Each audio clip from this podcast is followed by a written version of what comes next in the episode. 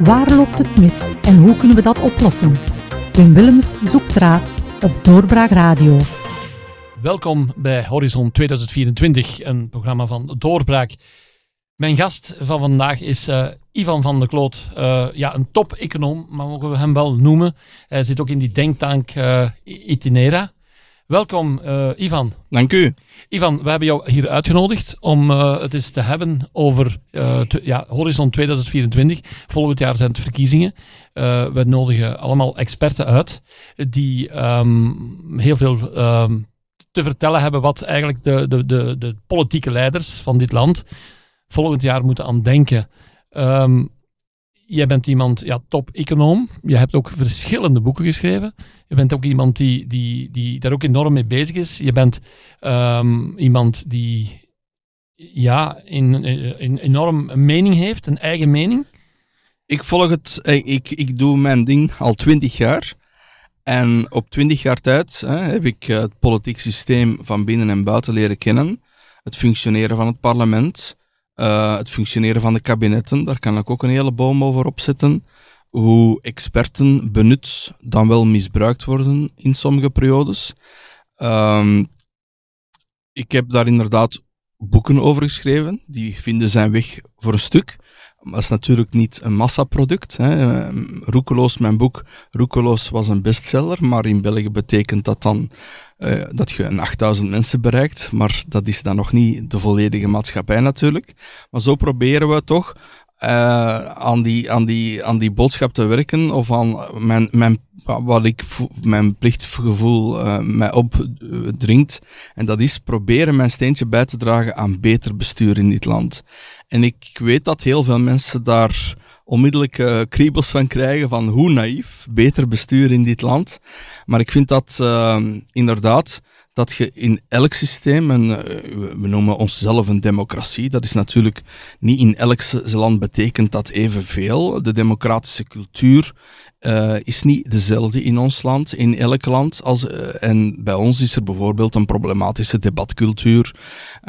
Bij ons is er een parlement dat niet altijd zo'n grote rol opneemt en veel laat passeren. Maar er is wel een, een soort structuur die een fictie kent, namelijk het parlement is degene die de wetten maakt, is degene die de controle uitoefent op de uitvoerende macht we moeten die fictie gebruiken. Je kunt, en veel politologen zeggen dat zelfs ondertussen, het parlement is eigenlijk niet meer de wetgevende macht. De overdonderende meerderheid van de wetten worden gemaakt door de regering en niet door het parlement. Maar dat betekent niet dat je nog altijd die architectuur hebt. Het parlement, dat kan ook terug meer leven ingeblazen worden. En ik denk als er daar ja, eh, als er druk is vanuit de bevolking, uh, uh, in bepaalde periodes uh, in de geschiedenis, is, is er een grotere druk vanuit de bevolking dan in andere periodes. En dan krijg je dat lijk of kadaver van die democratie, die soms er niet zo fris aan toe is, terug in leven. Dus we zitten niet in dezelfde hopeloze toestand waar die architectuur of structuur er niet bestaat. Ja, hoe, hoe ziet ons land eruit op dat, dit moment? Wel, ik ben ook econoom, hè, en dus ik kan het ook over het economisch verhaal hebben. Um, ik zal misschien daar toch eens, uh, we komen straks misschien terug op de vragen rond de democratie, maar puur economisch, en zo doseer ik dat ook, zeg ik dat ook in mijn, in, aan mijn studenten. Uh, de voorbije dertig jaar zaten we in een heel speciale economische omgeving. Elk probleem dat er bestond, werd als een soort Pavlov-reactie gekeken van we lossen dat op door meer geld uit te geven. De overheid ging het oplossen door meer geld uit te geven. En oké, ik heb persoonlijk een tiental boeken geschreven waarin eigenlijk ik een soort, ik heb dat som in bepaalde periodes rentmeesterschap benoemd, van we moeten toch nadenken over wat dat betekent voor de toekomstige generaties, de schulden die we opbouwen, uh, dat dat ook niet altijd zo zorgvuldig gebruikt wordt, dat geld en dergelijke. Dat maakte veel, niet veel indruk, uh, want het, het kon.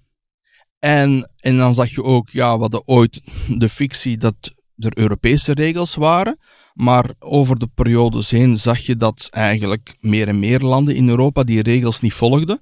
En dan is een land als België met zijn slechte, zieke begrotingscultuur daar natuurlijk als de snelste bij om te zeggen, ah, dan gebruiken we die openheid, die vrijheid, om ook totaal geen regels meer te volgen. Het punt is, de voorbije 30 jaar heb ik, en uh, toch vooral 20 jaar in mijn geval, gehamerd op, er zijn toch wel ethische, intergenerationele, politieke limieten aan hoeveel geld je kan uitgeven. Die maakten niet veel indruk, die argumenten.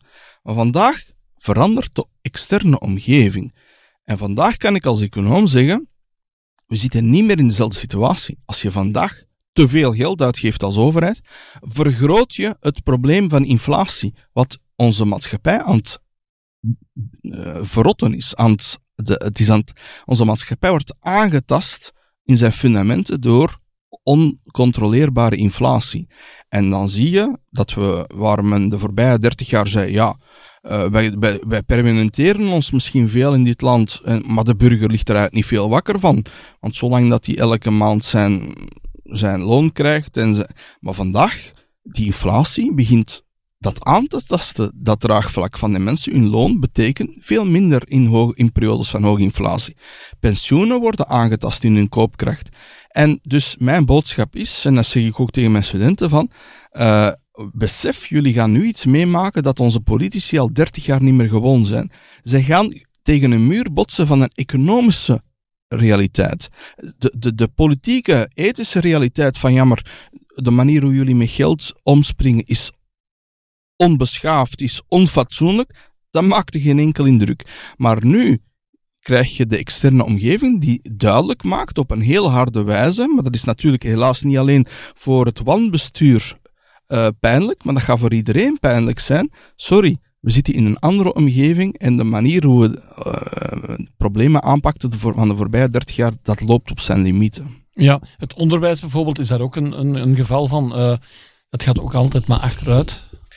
Ja, um, en dan ja, kijk, ik heb al eens bij een moment gezegd, de, misschien, want ik heb ook al 15 jaar mijn rol gehad bij de Denktank Itindra.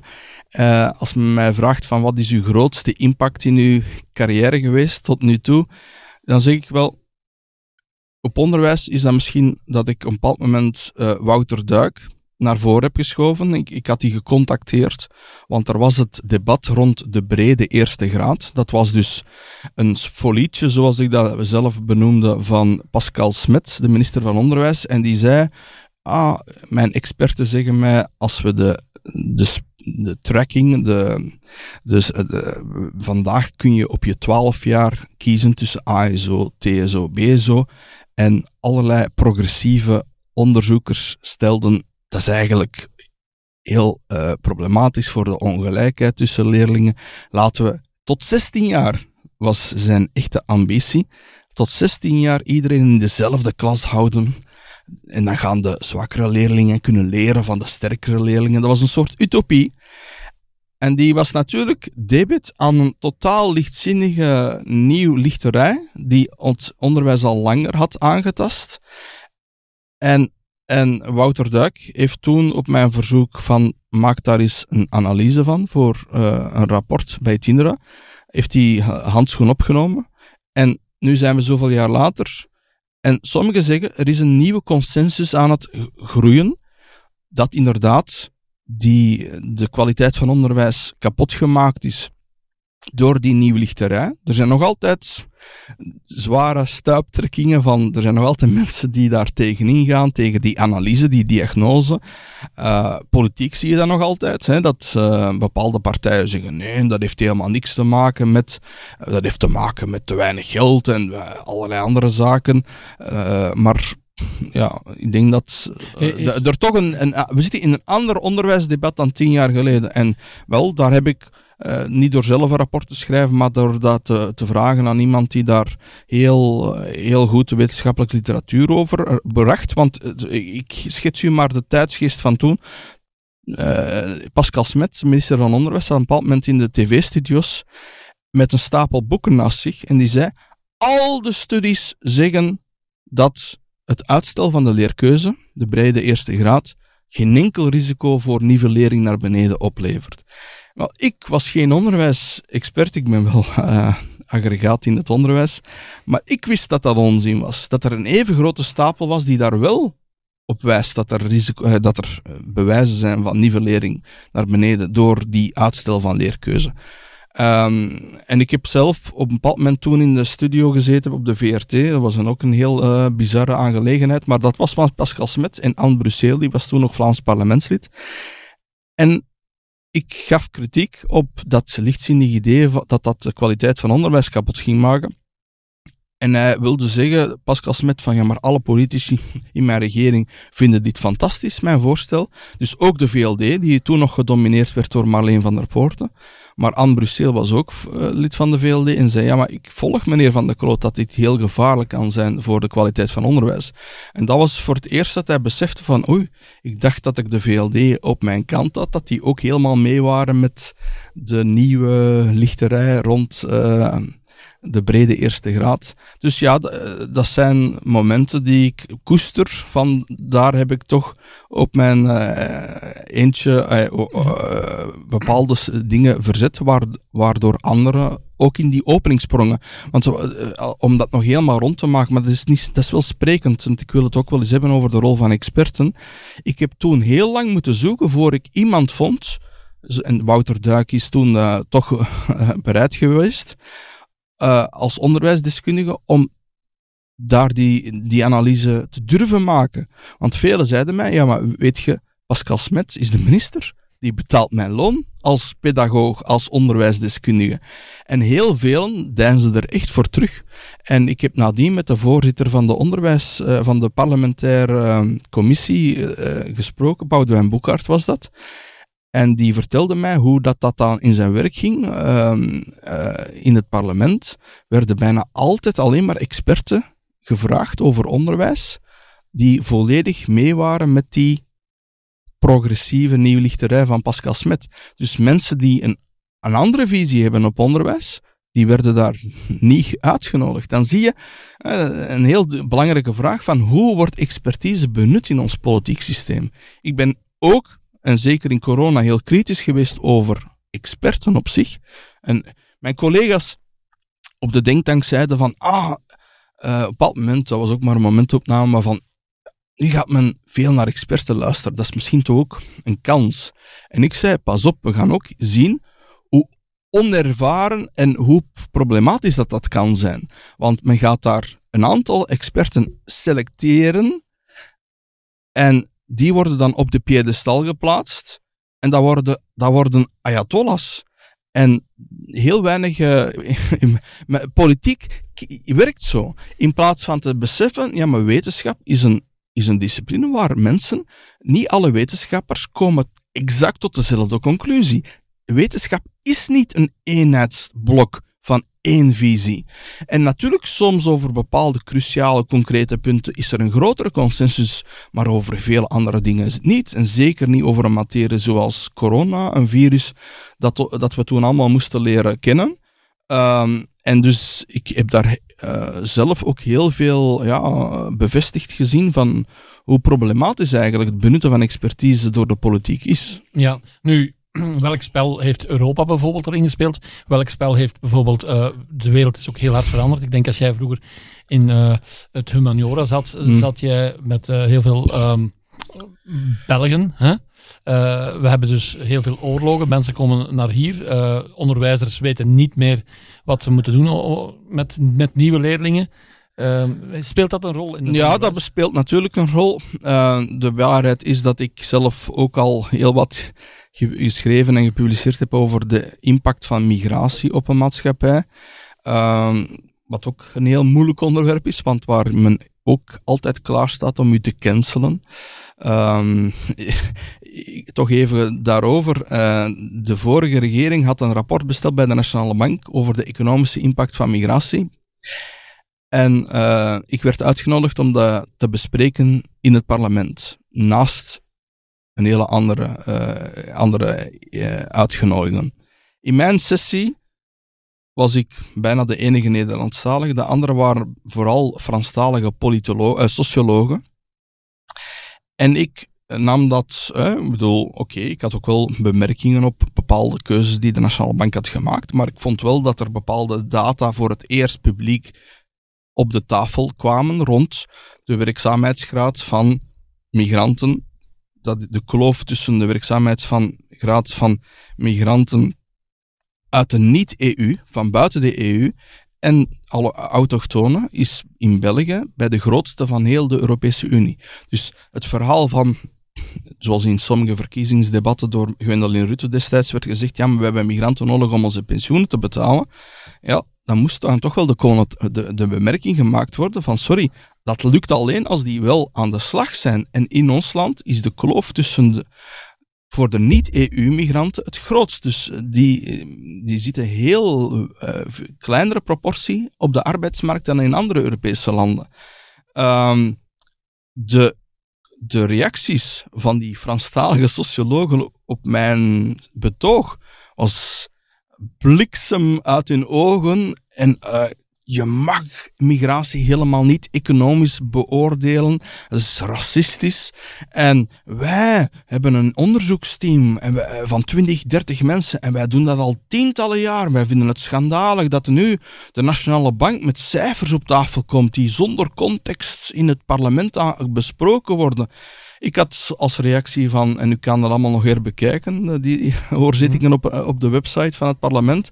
Ik had als reactie van, ja maar u bespreekt al 30 jaar met een heel team die materie, maar u hebt nog nooit u gebogen over de lage werkzaamheidsgraad en dat dat dan voor de financiering van de welvaartsstaat een probleem is. Is dat dan uh, die, die woke-cultuur waar je het nu over hebt?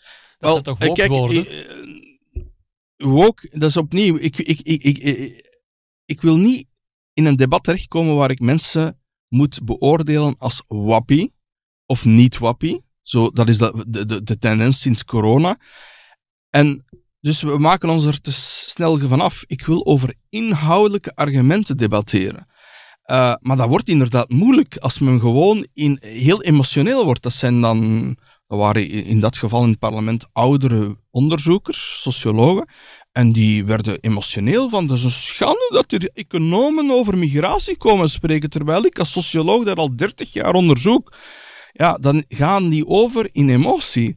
En je moet op basis van argumenten, en ik argumenteerde van, ja, maar in elk land in de wereld ligt die vraag op tafel. Wat is de impact op de openbare financiën als je veel migranten krijgt die niet te werk gesteld geraken? Uh, wat is wat is het gevaar dat uw, uw welvaartsstaat op drijfstand terechtkomt als er onvoldoende migranten aan de slag geraken en dergelijke?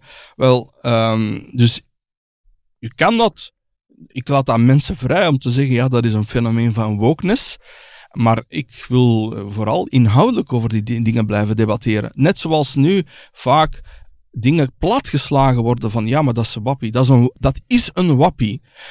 Ik wil misschien, er zijn over bepaalde thema's echt mensen die heel gekke ideeën hebben. Maar soms hebben die over andere zaken misschien lucide opvattingen.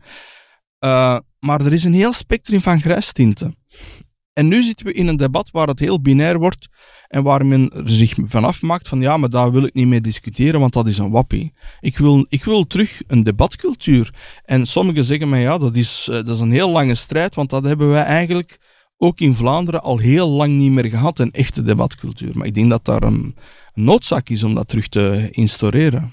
Met zijn poppetjes aan het worden, die alleen maar luisteren. Uh, en, en, en, ja, kijk, uh, dan is de vraag bijvoorbeeld over publieke intellectuelen. En dan, uh, wie zijn dat? en, en, en, en dan is er de vraag rond een soort dominantie van enkele stemmen. En ik vind dat we daar allemaal heel kritisch over moeten zijn. Uh, dat er op bepaalde tv-programma's een soort een lijstje is van twintig mensen die daar regelmatig in passeren. Alsof Vlaanderen maar twintig mensen kent die op basis van argumenten mee kunnen discussiëren over maatschappelijke onderwerpen. Uh, en ja, dat is een. Uh, dat is een ik vind dat heel belangrijk. Dus als ik zeg van wat is er in dit land echt aan de hand, uh, dan zeg ik, onze instellingen functioneren niet goed. En als die wel beter zouden functioneren, zouden we in een heel ander land leven. Maar die instellingen die ik benoem, daar vormt onder meer ook de pers en de media uh, zich uh, toe. Daar hoort hij ook toe. En ik, ik, ik zat recent nog in een discussie waar ik zei, moest moet eens naar Nederland kijken, daar kent men het werkwoord wobben. En wat is dat? Het gebruik van de wet op de openbaarheid van bestuur, wobben. En dat is bijna wekelijks dat een parlementslid de wet op openbaarheid van bestuur heeft gebruikt om bepaalde e-mails van ministers of kabinetten naar administratie boven te halen. En die ligt dat op tafel. Uh, ik vraag, ik, als, als op mijn tweet, Twitter-berichten ziet u recent een, uh, een, bericht van mij over toch wel iets heel hallucinant. Een discussie in Nederland door die WOP mogelijk gemaakt over uh, een deel van het ministerie van Defensie die een rol heeft gespeeld in het uh, bestrijden van de desinformatie tussen aanhalingstekens, zoals men dat dan noemt. Maar dus dat ging heel ver gaan. Dus allerlei inst instrumenten die eigenlijk ge ooit gecreëerd zijn voor in oorlogstijden informatie te, te controleren, werden gebruikt in de, in de corona. En men weet dat in Nederland ook nu alleen maar door die WOP en uh, wel, eh, maar ook uh, journalisten gebruiken in Nederland meer die WOP om mails, documenten boven te halen. En in, in België, in Vlaanderen, is dat vaak enkel Jeroen Bossart, zie ik vaak in, de, in de, het laatste nieuws. En bijvoorbeeld een thema wat mij nou aan het hart ligt over het gebruik van belastingsgeld voor onderzoek en ontwikkeling. Uh, er is een enveloppe gebruikt in de corona-herstelplan van 150 miljoen. En dat is toegewezen aan een aantal onderzoeksinstellingen en universiteiten. En uh, Jeroen Bossart heeft de Belgische wet op openbaarheid van bestuur gebruikt om boven te spitten dat er daar e-mails zijn verstuurd tussen kabinetten en universiteiten en dergelijke, waarin toch wel opmerkelijke zaken aan bod komen, zoals van heel ja, snelle toewijzing op vrijdag, ja, we hebben zoveel miljoen, uh, op maandag hebben we wel een A4'tje nodig met wat u met dat geld gaat doen. Terwijl ik zit dan soms in debatten, zoals met Thomas Dermine, die tegen mij persoonlijk zei van, ja, maar Ivan, ik begrijp dat je heel kritisch bent uit over het wanbeleid in het verleden, uh, maar nu is alles enorm goed wetenschappelijk onderbouwd in ons relatieplan. En de Europese Commissie kijkt mee. Terwijl in de feiten uh, de, door het werk van Jeroen Bossart, we weten dat er zomaar enveloppes verdeeld zijn zonder eigenlijk nauwelijks evaluatie.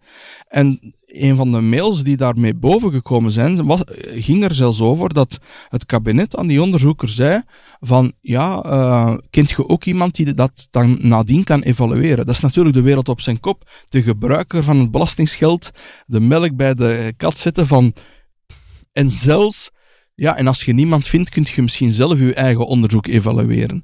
En maar, zoals in mijn boek Roekeloos, dan zeg ik, ja, er gebeuren soms waanzinnige dingen, maar het wordt echt schaamteloos wanneer dan je ziet dat er eigenlijk nauwelijks iemand wakker van ligt. En met name uh, uh, die 150 miljoen euro die zomaar enveloppes verdeeld zijn geweest in het relanceplan, daar is één moment heeft dat in de krant gestaan. En dan zie je daar eigenlijk dat niemand, dat iedereen zijn schouders ophaalt. En zo geraken we natuurlijk niet aan een beter bestuur. En dan heb ik het echt over Vlaanderen. Hè? Dus we kunnen vaak zeggen van ja, wat er in Brussel gebeurt, dat is uh, uh, hemeltergend. Maar nu heb ik het over een Vlaamse bevoegdheid. En dan zie je dat inderdaad Um, het goed is dat er één journalist toch de wet op de openbaarheid van bestuur heeft ontdekt, maar uh, dat kan alleen functioneren natuurlijk als ook een cruciale instelling als parlement dat dan naar zich toetrekt. Ik heb nu nog een heel recent voorbeeld van als ik mijn stelling van we kunnen vooruit in dit land als we onze instellingen terug degelijk laten functioneren. Maar in mijn boek, een derde van dat boek, van een boek Overheid plus Markt, gaat over het goed functioneren van uw economie. En daarvoor is goede mededinging, vrije markt, belangrijk. En daar is een mededingingsautoriteit. Wel, daar is de voorzitter al drie jaar niet van benoemd. En die heeft nu effectief gezegd van sorry mensen, jullie liggen er blijkbaar niemand van wakker, maar nu stop ik er ook effectief mee. Hè. Ik ben al zo oud en ik word maar niet vervangen. Maar de, de realiteit is dat die dienst eigenlijk op zijn gat ligt. Maar die moet wel oordelen over bepaalde grote dossiers zoals Bpost, wat bijna ja, een van de meest interessante dossiers in vele jaren wordt, dat gaat over uh, het verdelen van enveloppes uh, over kranten uh, en mediahuizen. Uh, waar de post gratis kranten en zo verdeeld aan huis brengt. Dat gaat over honderden miljoenen euro's. En nu blijkt dat er aanwijzingen zijn, meer dan gewone aanwijzingen, dat er daar kartelafspraken over gemaakt zijn. Dat er daar zaken bediscuteerd zijn, en dat gaat dan over belastingsgeld, over een overheidsinstelling als de Post, die uh, heeft onoor, onoorlijke gesprekken zitten voeren tussen die mediahuizen over welke prijzen dat daarvoor gehanteerd moeten worden. Dat is echt een zaak van, dat is een misdrijf als dat bewezen kan worden. En daar moet de mededingingsautoriteit over zich over buigen. Wel, dan komt het sommigen wel heel gemakkelijk uit dat die voorzitter al drie jaar niet vervangen wordt. En dan zeg ik van, ja, kijk, dan zie je voor een stuk het falen van de instellingen. Want ook het parlement, al ik kan dat wel roepen van het is een schande en dat is een bevestiging van wat in mijn boek staat, maar who cares? Woorden in de wind. Maar het parlement had drie jaar geleden de regering op het matje kunnen roepen. We eisen dat er op, met spoed, hoogdringendheid, een nieuwe voorzitter komt en dat de mededingingsautoriteit zijn werk kan doen. Maar dat laat men dan betijen. En, dus opnieuw, het is niet alleen dat er roekeloos wordt gehandeld met slecht bestuur, met wanbeleid, maar ook de schaamteloosheid dat dat dan drie jaar duurt en daar wordt nauwelijks iedereen haalt zijn schouders op. Ja, tot slot, uh, Ivan, uh, gaan we in 2024 uh, zijn het verkiezingen. Uh, welke boodschap heb jij aan, aan de luisteraars? of aan de politiek eigenlijk? want dat is wel, toch wel belangrijk. Gaan we Griekse toestanden tegenmoet? om dat te vermijden hebben we het beter bestuur nodig en hebben we ook een, een voldoende sterke economie nodig. En, en dan hebben we bijvoorbeeld ook een sterke industrie nodig. En dan is het belangrijk om te zien dat in begin van dit jaar was de nieuwjaarsboodschap van de eerste minister De Croo het, het Amerikaans plan voor het ondersteunen van zijn industrie is een gevaar voor ons. 400 miljard aan subsidies. Maar dan is er Davos. En dan spreken allerlei leiders en grote big people elkaar. En ineens komt er vanuit de Davos de boodschap: nee, het Amerikaans subsidieplan is eigenlijk een opportuniteit. Want nu kunnen wij als Europa daar een antwoord op bieden. En als je dan eventjes doorprikt en vraagt van ja, maar is dat geen probleem? Dat sommige grote landen dan diepe zakken hebben en België heeft dat minder. En dan kunnen wij nooit winnen in die subsidie op bod tussen landen. Ja, maar nee, uh, het is een opportuniteit, want er gaan Europese fondsen gebruikt worden. En dan, zoals ik in mijn recentste opiniestuk in de tijd schrijf, dan uh, zoek ik iemand die toch opmerkt, en ik doe het dan zelf maar, maar die Europese fondsen, is dat effectief evident dat dat voor België ons zo sterk maakt? Want in het relanceplan gingen wij officieel 5,9 miljard krijgen, maar we moeten wel voor 17 miljard bijdragen. Dus uw verhaal van we gaan met Europa Europese fondsen gebruiken voor onze industrie te versterken, klopt niet helemaal als dan de werkelijkheid betekent dat we daar eigenlijk vooral andere landen mee gaan steunen en niet ons land. Dus we moeten onze economie uh, versterken, want we zitten in een heel moeilijke situatie. En die inflatiecrisis, als we dit niet onder controle krijgen, en op doorbraak heb ik daar vorig jaar en in 2021 al voor gewaarschuwd. Als we die niet onder controle krijgen, dan komt, komen in, in dit land in heel grote problemen met onze grote staatsschuld en mogelijke hogere rentes.